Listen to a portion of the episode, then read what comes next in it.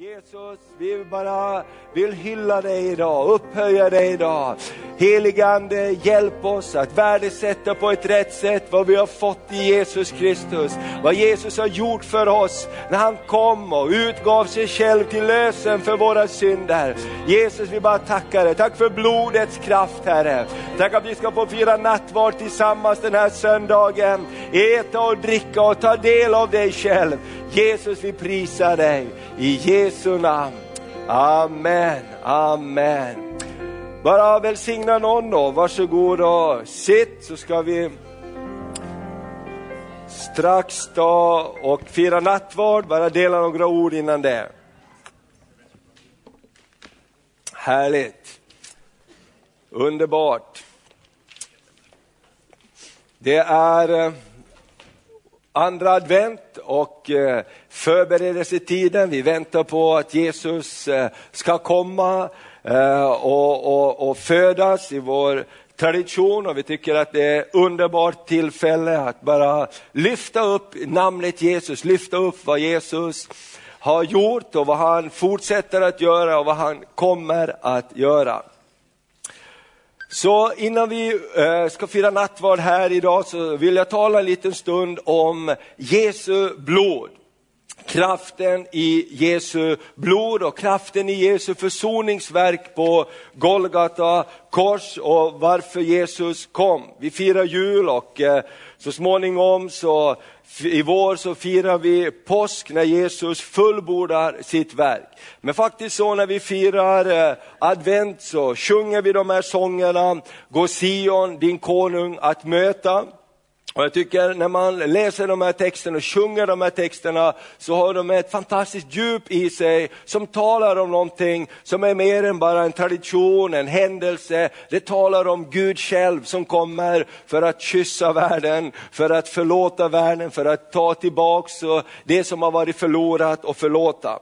Vi sjunger så här i Gå Sion du konung att möta, i vers 2, han kommer från eviga fröjder, han lämnar sin tron av kristall, sin ära i ljusets palatser och lägges på strå i ett stall.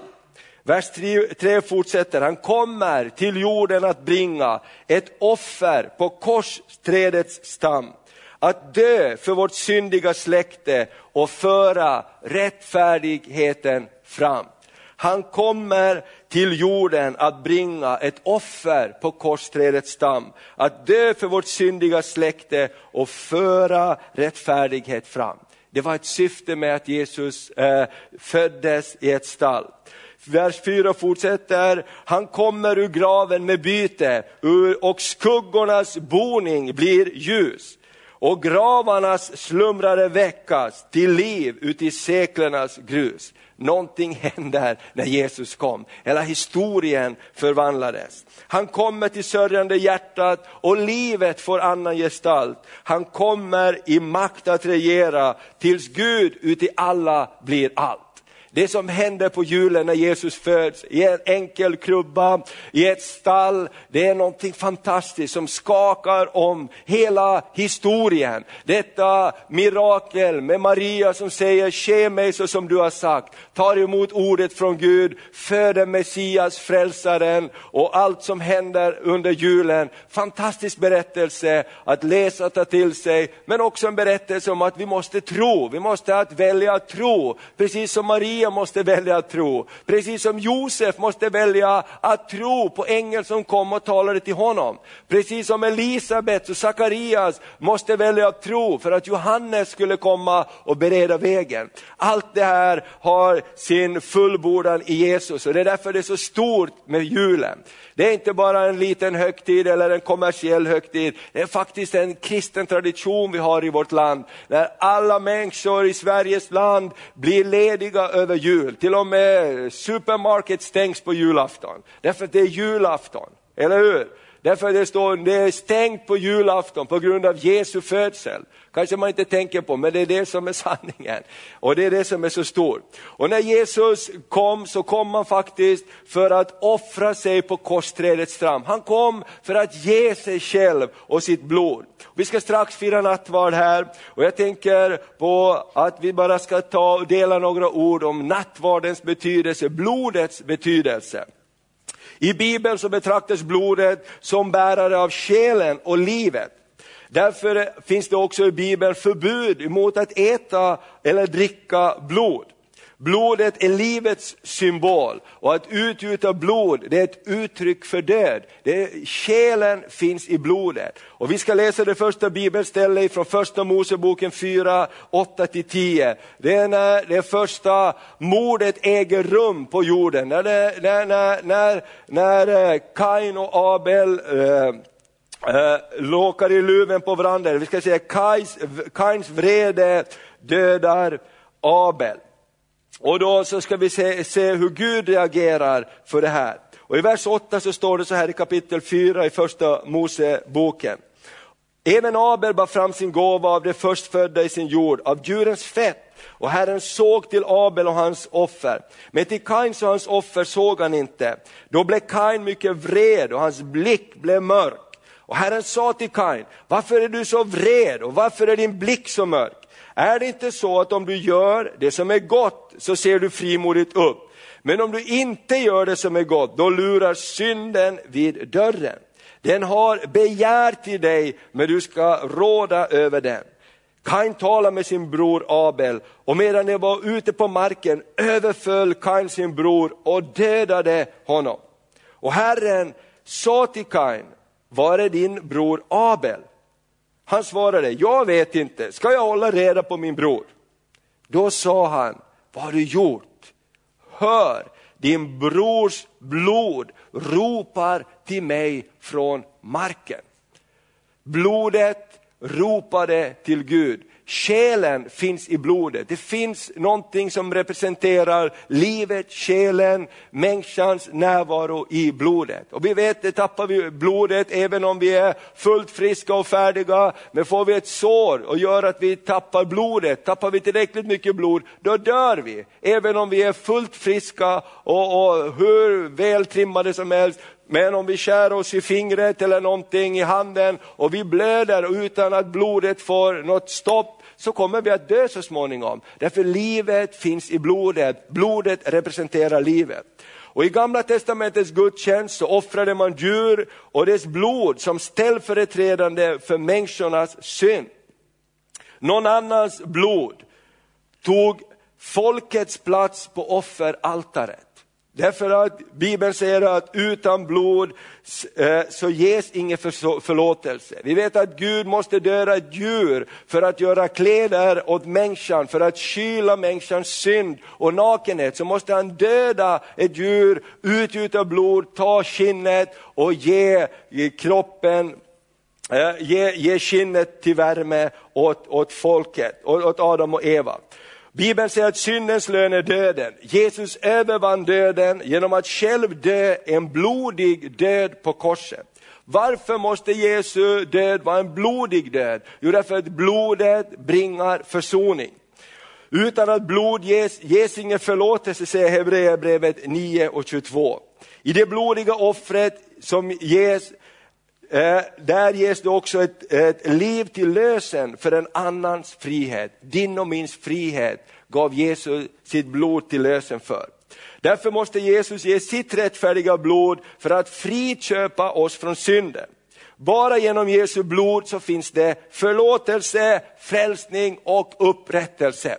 Och därför tror jag att det är viktigt att vi pratar om blodet så att vi förstår, nu när vi kommer att fira nattvard och vi ska läsa en del bibelord, så att vi förstår innebörden i blodet. Och man vill ofta ta bort allt som kan verka stötande och skrämmande i en kyrklig förkunnelse ibland. Och det är svårt att förstå varför Jesus måste dö en blodig död. Och därför vill jag tala en liten stund om det, så att vi ser att Jesus verkligen betalade en lösenpenning med sitt eget blod för att köpa oss fria.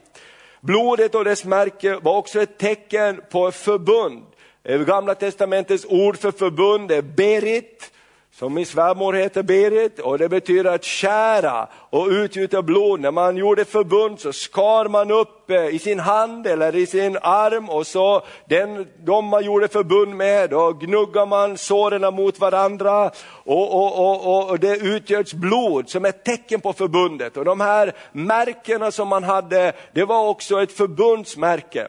Och man vet när man läser kyrkohistoria, till exempel om David Livingstone som gick till Afrika för att predika för dem och var en pionjär, att hans armar var fulla av förbundsmärken som man hade gjort med olika stammar för att få ha fred och få beskydd i sitt uppdrag. Och när Jesus dog på korset så blev hans armar uppstungna, hans händer blev uppstungna. Och Jesus säger själv när han instiftar nattvarden, det här är det nya förbundet i mitt blod.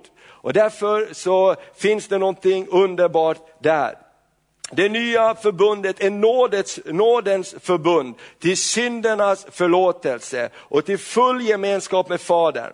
Genom tron så blir vi Guds barn, pånyttfödda av hans ande. Vi får barnaskapets ande som ropar Abba, Fader.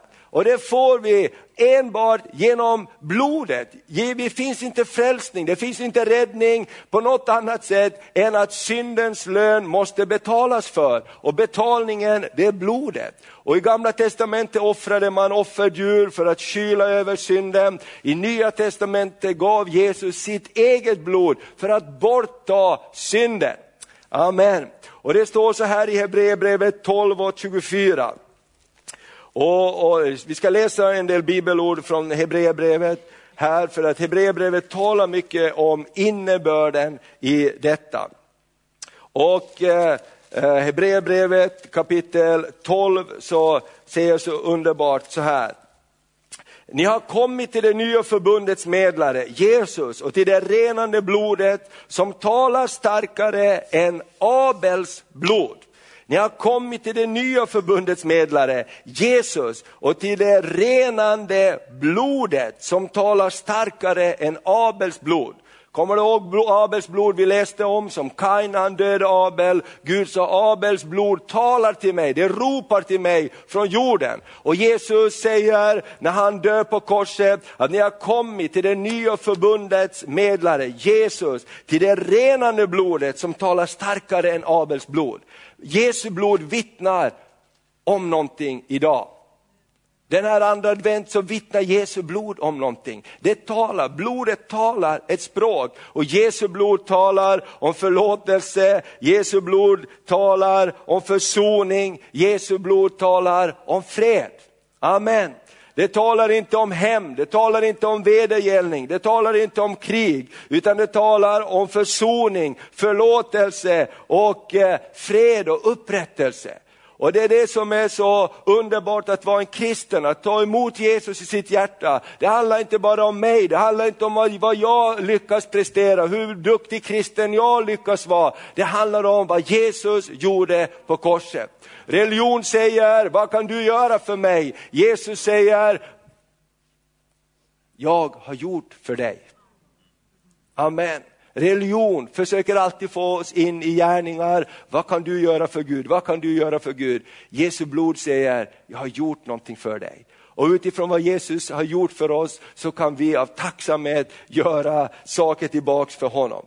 Och vi ska se i Johannes evangeliet, det sjätte kapitlet, ifrån vers 35, hur Jesus talar om vikten att ta del av hans blod och, och äta av hans kropp. Och det är väldigt konstiga bibelord, men jag tror det är viktigt att vi läser dem. Och, och i det här sammanhanget så kan vi få en förståelse varför Jesu blod är så viktigt, varför nattvarden är så viktig, vad vi tar till oss när vi firar Herrens måltid. Och i Johannes 6.35 så står det så här. Eh, Jesus svarade, jag är livets bröd. Den som kommer till mig skall aldrig hungra och den som tror på mig skall aldrig någonsin törsta. Vilket löfte! Sen fortsätter han i vers 51 och 56. Hela det här kapitlet handlar om det här, men vi tar bara några verser. 51 säger, vers 50 säger, men det bröd som kommer ner från himlen är sådant att den som äter av det inte ska dö. Jesus är det brödet. Jag är det bröd som ger liv. Det bröd som har kommit ner från himlen. Den som äter av det brödet ska leva i evighet. Och brödet jag ger är mitt kött för att världen ska leva.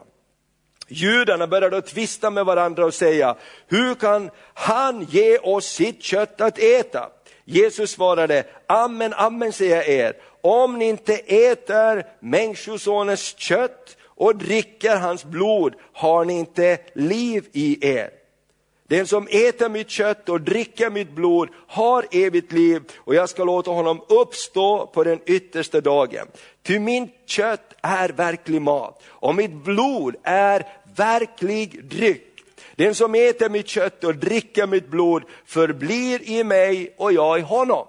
Och det här återkommer Jesus till när han instiftar nattvarden, att äta av min kropp och att dricka av blodet, att äta av brödet och att dricka av bägaren. Därför är nattvarden så viktig, därför är de här sakerna som vi ser som symboler ibland mycket mer än en symbol, det är vårt liv som kristna. Amen. Det är därför det kan vara för de som lever under betryck i förföljelse, den största högtidsstund i deras liv, när de får fira nattvard. Därför det är någonting heligt. I Korinthierbrevet 11 så står det, ingen ska äta på ett ovärdigt sätt av brödet eller dricka av vinet. För den som gör det äter och dricker en dom över sig. Alltså det är ingen vanlig dryck, det är ingen vanligt bröd. När vi helgar det, när vi välsignar det, så kommer Jesus till oss själv i det. Och därför tycker jag det är så underbart med Jesu blod. Därför är det så underbart med Herrens måltid. Därför är det inte vad du och jag gör för Kristus, det är Kristus själv som kommer till oss. Amen. Och ett annat bibelord i Hebreer är brevet. Och, och så ska vi läsa brevbrevet 9 och eh, här står det om Jesus som lammet som offrade sig för oss. Varför måste vi äta av Jesus? Jo, därför att han är den enda som kan mätta djupaste hungern i våra liv. Ingenting annat kan mätta den djupaste hungern, bara Jesus kan mätta den djupaste hungern. Och när vi äter av honom, vad händer med det du äter av? Jo, det du äter av blir en del av dig, eller hur? Allt du äter av, idag har du ätit Georgian Snickers från Georgien och du har blivit, det har blivit en del av dig. Eller hur? Det du stoppar i dig blir en del av dig. När vi äter av Kristus, vad blir det en del av då? Vad blir du en del av om du äter av Kristus? Amen. Prata lite med din granne och förklara för den hur det fungerar det här. Det du äter av, det blir du en del av. Amen. Du blir vad du äter brukar vi säga. Alltså ibland så tar vi inte det här på riktigt allvar utan ibland så tänker vi, ja vi bara firar nattvard, det har man alltid gjort. Men Jesus säger, om du äter av mig så blir du en del av mig. Amen. Om du dricker av mig så blir du en del av mig. Amen, du tillhör mig. Och prisat vare Herrens namn. Det är inte vad vi har gjort för honom, det är vad han har gjort för oss. Och det är en underbar utgångspunkt. I Hebreerbrevet 9 så står det så här, ifrån vers 11 först till 15 läser vi. Men nu har Kristus kommit som överste präst för det goda som vi äger, genom det större och fullkomligare tabernaklet som inte är gjort med händer, det vill säga som inte tillhör den här skapelsen. Gick han en gång för alla in i det allra heligaste. Kan du säga en gång för alla? Han gick in inte med bockars och kalvars blod utan med sitt eget blod och vann en evig återlösning. Om nu redan blod av bockar och tjurar och askan från en kviga tänkt på det orena, helgat yttre renhet, hur mycket mer ska du inte Kristi blod rena våra samveten från döda gärningar? Lägger du märke till Kristi blod rena våra samvete från döda gärningar. Vad är det som renar oss? Jo, det du tar in i dig renar dig eller smutsar ner dig. Men Kristi blod renar oss. Eh, och så fortsätter det så här, så att vi ska tjäna den levande guden. För Kristus har genom den eviga anden framburit sig själv som ett felfritt offer åt Gud. Därför är Kristus medlare för ett nytt förbund, för att de kallade skulle få den utlovade eviga arvet, sedan han genom sin död har friköpt oss från överträdelserna under det första förbundet. Kan du säga friköpt? Amen. Någon har betalat priset, köpt dig fri. Om man använder det här ordet så eh, i grekiskan som när någon köper en fri från en slavmarknad. Någon är bunden av någon, någon är slav, men någon kommer säga, jag köper den fri. Vad är priset för den personens frihet? Amen. Vi vet att vi har den situationen idag när vi kan hjälpa flickor som har åkt in i trafficking och utnyttjade sexuellt, så kan vi vara med och köpa dem fria. Vi vet att det finns organisationer som går in, de köper loss dem, de betalar priset för att de ska få ett nytt liv. När Jesus gav sitt blod så var det köpepenningen och han sa, jag köper dig fri, jag köper dig fri, jag köper mänskligheten fri från dess synder, skuld och straff. Amen. Därför finns det kraft i Jesu blod mina vänner. I vers 24 så står det så här, framåt. Ty Kristus gick inte in i en helgedom som är gjord med händer och som bara är en bild av den verkliga helgedomen. Han gick in i själva himlen för att nu träda fram inför Guds ansikte för vår skull. Inte heller gick han in för att offra sig många gånger, som översteprästerna varje går in i det allra heligaste med, bröd som inte deras, e- med blod som inte är deras eget. I så fall hade han varit tvungen att lida många gånger, alltsedan världens grund belagd. Men nu har han trätt fram en gång för alla. Kan du säga en gång för alla? För att vid tidens slut, för att genom sitt offer utplåna synden. Utplåna synden.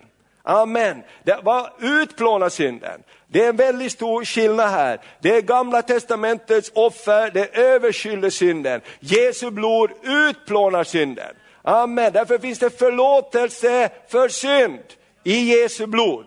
Amen. Vi ska titta på det också. Det tar bort synden, det utplånar synden. Därför blev Kristus offrad en gång för att bära många synder och han ska en andra gång träda fram, inte för att bära synd utan för att frälsa dem som väntar på honom. Vi är friköpta genom blodet. Vi är lösta, betalat, betalat med Jesu blod. Och i första Petrus brev, om du bara svänger några blad framåt ifrån Hebreerbrevet, så har du Jakobs brev och så kommer vi till första Petrus brev, det första kapitlet. Och här så ser vi vers 18 och 19, fortsättning på det vi läste nyss. Och här kan vi se hur Bibeln säger att vi har blivit friköpta, köpt fria. Nu, ni vet ju att det var inte med förgängliga ting, med silver eller guld som ni blev friköpta från det meningslösa liv ni ärvt från era fäder, utan med Kristi dyrbara blod, som är blodet av ett lamm utan fel och lyte. Vi blev friköpta från det meningslösa liv ni ärvt från våra fäder. Arvsynden, som gick i arv från släkte till släkte. Hur ska vi bli av med den? Jo, vi måste bli friköpta. Det finns ett betalning för den synd som låder varje människa och det är Jesu blod. Därför finns det inte rening på något annat sätt än genom blodet. Och varför ska vi då inte prata om Jesu blod, om det är det som renar oss från all synd? Klart vi måste prata om det, vi måste sjunga om det, vi måste förstå vad det gör med oss när vi tar emot nattvarden som Jesus har gjort för att visa oss vad som verkligen händer i det. Och här i Bibeln så handlar den här ordet friköpt genom blodet, det är en juridisk term som man använder juridiskt för att fastställa ett köpeavtal har juridiskt fått en gällande kraft. Amen, halleluja. Djävulen anklagar dig, djävulen kommer och anklagar oss. Så vad ska vi hålla emot med? Jo, vi måste hålla emot med Jesu blod. Amen. Det finns ingenting som är så starkt som Jesu blod. Det finns ingenting som Satan måste fly för som Jesu blod. Amen. Demonen måste fly för Jesu blod. Det, det, det finns ingenting som är så starkt i andevärlden som Jesu blod. Därför det är det som är framburet. Jesus gav sitt blod, han måste dö en blodig död.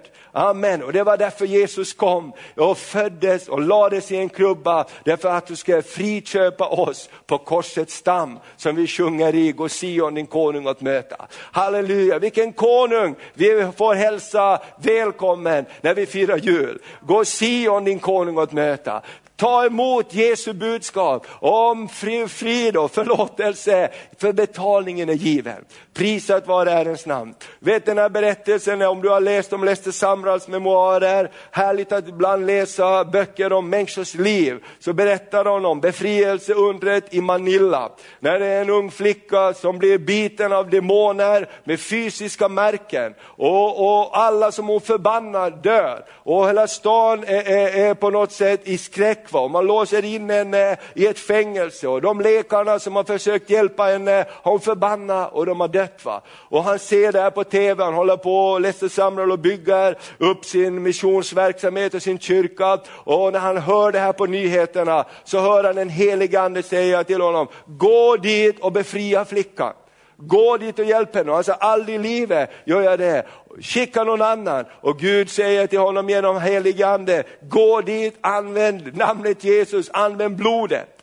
Och, och, och, och, kraften i Jesu blod. Och han berättar hur han kommer in där och alla de här fängelsecheferna, borgmästarna, alla de här är jätteskraja och han bara tar tillfället i akt och säger allihop ner på knän och be borgmästaren, alla ner på knä och be. För det här var en verklighet. Och hur han gick in i en, en brottningskamp där och hur Jesu blod var det blodlösemedlet. När de började sjunga om Jesu blod, började tala ut Jesu blod, då händer det någonting i andevärlden. Därför då handlar det inte om vad du kan.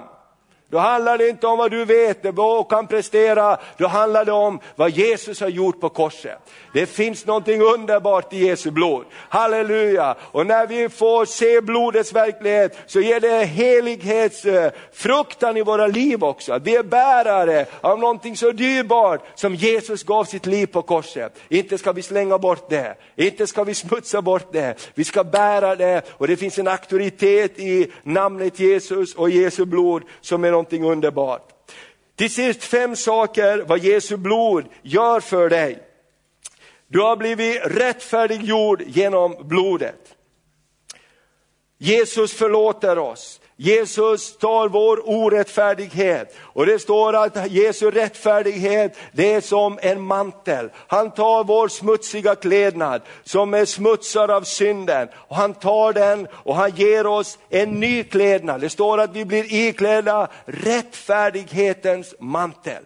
Min vän, den rättfärdighet som du bär på som troende, det är inte din egen rättfärdighet som du har presterat. Det är Jesu rättfärdighet som är given till dig och mig som en gåva. Och det står att det är som en rättfärdighetens klädnad som vi får klä på oss. Och vet du vad, när du kommer i din bön, när du är i din bönekamp och det är kanske någon som tittar på det här, som kämpar eller lyssnar, som kämpar i bön för någon. Vet att det inte är du med din egen auktoritet, du är iklädd en högre auktoritet som en troende. Du är iklädd Jesu Kristi rättfärdighet. Jesu blod är som en mantel som är doppad i, i, i Jesu blod som är lagd över ditt liv. Och när fienden ser dig, då ser han inte bara lilla dig, utan han ser den den mantel du bär, den auktoritet som finns över namnet Jesus och Jesu blod. Och det är någonting underbart. Halleluja! Därför finns det ingen skillnad i Guds rike. Därför kan ett barn ha auktoritet över djävulen. Amen. Därför kan ett barn eller en gammal skröplig människa säga Jesu namn. Halleluja, åkalla Jesu blod om frihet och någonting händer. Därför det beror inte på oss, det beror på han som har gjort det. Vi har rättfärdiga genom Jesu blod, du kan se bibelordet där. Det andra är, det finns förlåtelse genom Jesu blod. Första Johannes 1 och 7 säger, om vi begår någon synd så ska vi be och Jesu blod renar oss. Det är ett fortsättnings, det är ett blod som fortsätter att rena oss gång efter annan. Det bara flödar rening i blodet. Och vi behöver rening i Jesu blod. Vi blir smutsiga i en smutsig värld. Varje dag du kommer hem efter arbete, även om du bara har gjort ett vackert arbete och inte smutsar dig med någonting och tvättar dina händer, så ska du se att det är smuts på dina händer. Den här världen är smutsig, vi behöver bli renade med Jesu blod. Och Jesus säger, den, Bibeln säger, den som säger att jag har ingen synd, den är den största lögnaren. Och det tredje, vad gör Jesu blod för oss? Jo, Jesu blod ger helande. Första Petrus 2.24 säger att vi är helade genom Jesus sår. Genom blodet så finns det läkedom och helande. Vad finns det mera? Jo, det finns en övervinnande kraft genom Jesu blod. Det är punkt nummer fyra, övervinna genom blodet. Funkar det här eller har det slutat funka? Annars så har du alla de här punkterna här. Övervinna genom blodet. Och det är från Uppenbarelseboken 12, hur Bibeln säger i den sista striden, när de kommer inför Guds och Lammets tro. Hur har de kunnat komma hit? Vilka är dessa? Säger fråga Johannes. Jo, det här är de som har övervunnit genom sitt vittnesbörds blod och genom sitt vittnesbörds ord och genom Lammets blod. Och det sista, det är beskydd genom Jesu blod. Första Moseboken, det tolfte kapitlet kan du läsa om när Israels barn blev befriade från Egypten. Alla som hade blodets tecken på sitt hus, på dörrposterna till sitt hus, de blev beskyddade. Så i Jesu blod så finns det rättfärdiggörelse, det finns förlåtelse, det finns helande, det finns en övervinnande kraft och det finns ett beskydd i Jesu blod som är helt fantastiskt. Som är helt fantastiskt, Jesu blod. Och vi vet att vi brukar be det över våra liv, Jesu blods beskydd över våra liv. Och det, allt det här finns i Jesu blod. Så ta emot vad du behöver genom Jesu blod. Förbundet betyder att hans styrka, hans rikedom, hans möjligheter är dina. Jesus har betalt det fulla priset för dig med sitt dyra blod. Så kom frimodigt fram till nådens tron. I Jesu blod så finns det du behöver. Frälsand, frälsning, helande, befrielse, andens gåvor, glädje och frid. Allt det här som finns i Jesu underbara blod. Det finns tillgängligt för dig och mig och det är givet, fritt och förintet. Och därför ska vi fira nattvard nu tillsammans och ta emot vad Jesus har gjort för oss i nattvarden. Och, och, och, när vi tar emot nattvarden så låt oss bara tänka på det här. Vad betyder Jesu blod för mig? Den här julen och det som ligger framför, be om blodets beskydd när du är ute på vägarna, när det snöar och när det händer saker runt omkring. Åh, kalla Jesu blod. Amen, det är betalningen, det är en juridisk term i andevärlden på att det Gud har gjort, det är en verklighet. Amen. Det har han gjort för dig, det har han gjort för mig och det Jesus har gjort, det håller. Eller hur? Det håller. Och därför är Jesu blod så underbart, underbart, underbart. Kraft i Jesu blod. Välsignelse i Jesu blod. Halleluja. Amen. Så den här andra, den här söndagen har vi talat om blodets kraft och nu när vi ska äta och dricka av Jesus och ta del av hans blod och ta del av brödet, hans kropp, så låt det bara skölja in i oss. Och kom ihåg Jesu ord, den som äter av mig, han blir en del av mig. Den som dricker, han blir en del av mig. Någonting underbart händer när vi tar emot Jesus. Halleluja, Jesu blod, det är till seger på varje område i ditt liv. Jag vet inte om du har kämpat med olika saker, så vill jag bara uppmuntra dig att i Jesu blod så finns det styrka. Om du känner att du har kommit till vägs ände och du vet inte hur du ska göra, vill jag uppmuntra dig idag att ta Jesu blod, börja prisa Gud för Jesu blod. Ta Jesu blod i din mun och säg att jag är förbund med dig Gud. Du har betalat priset, du har instiftat förbundet, du är den starke partnern i förbundet. Det är så härligt när man är i Azerbajdzjan och så här, därför när man har pratat om blodsförbundet så förstår de det på ett annat sätt. Och jag hörde några andra som, som, eh, som, eh, som hade hört om de här kristna i Azerbajdzjan och, och, och, de säger, de pratar om förbundet. De var, det var en kristen från ett annat land jag mötte, så, från Georgien faktiskt. Och när vi var där sa hon, då pratade de om att de är i förbund med Gud. Kan du inte undervisa, vad, vad betyder det att vara i förbund med Gud? Därför att, tänk att vara i förbund med Gud genom Jesu blod. Han är den starkare parten. Det är någonting helt fantastiskt. Det är någonting helt fantastiskt. Halleluja! Och Jesus är, är, är, är betalningen och, och, Jesus är garanten för det nya förbundet som är ett nådesförbund. Amen. Och därför är det så härligt också att religion äger inte Jesus. Utan ett öppet hjärta äger Jesus. När vi lämnar den här kyrkan här så sitter inte Jesus kvar på estraden utan Jesus går hem med dig och mig. Han finns i ett öppet hjärta. Han finns hos den som längtar efter honom. Och vi ska fira Herrens nattvard och jag tänker bara läsa det här ordet här också ifrån första Korinthierbrevet 11. Det står så här, på samma sätt så tog eh, Jesus sa så här, Ty så ofta ni äter detta bröd och dricker av denna bägare så förkunnar ni Herrens död till dess han kommer. Den som därför äter brödet eller dricker Herrens bägare på ett ovärdigt sätt, han syndar mot Herrens kropp och blod. Var och en ska pröva sig själv och så äta av brödet och dricka av bägaren. Ty den som äter och dricker utan att urskilja Herrens kropp, han äter och dricker en dom över sig. Tänk vad allvarligt. Tänk vilken styrka och Gud sätter ner genom sitt ord i nattvarden. Var och en ska pröva sig själv och så äta av brödet och dricka av bägaren. Och då står det så här lite längre ner. Och om vi gick till rätta med oss själva skulle vi inte bli dömda. Men när vi döms så fostras vi av Herren för att vi inte ska bli fördömda tillsammans med världen. Om vi därför, därför mina bröder, när ni samlas för att äta, så vänta på varandra. Och därför tror jag också när vi tar nattvarden och firar Herrens nattvard, så är det ingenting vi rusar igenom, utan därför behöver vi förbereda våra hjärtan att ta emot vad Jesus har gjort för oss. Amen. Och jag tror så här också att det kanske finns här någon idag och du har brottats med någonting, kanske din familj, kanske en situation. Låt oss ta det till blodet. Låt oss ta det med till nattvardsbordet den här söndag förmiddagen och låta Jesu blods kraft verkligen visa sin kraft i nattvarden och vara en proklamation i hela andevärlden. Och du som har tagit emot Jesus, du kommer bara och, och firar Herrens nattvard med frimodighet för det tillhör dig. Amen. Amen. Så Jesu blod, så ta med det här budskapet om Jesu blod och, och, och, bara prisa Gud för blodet. Amen, vet du inte annars vad du ska göra? Prisa Gud för blodet, sjung en sång om Jesu blod. Halleluja, det verkar omodernt men det är väldigt effektivt. Amen.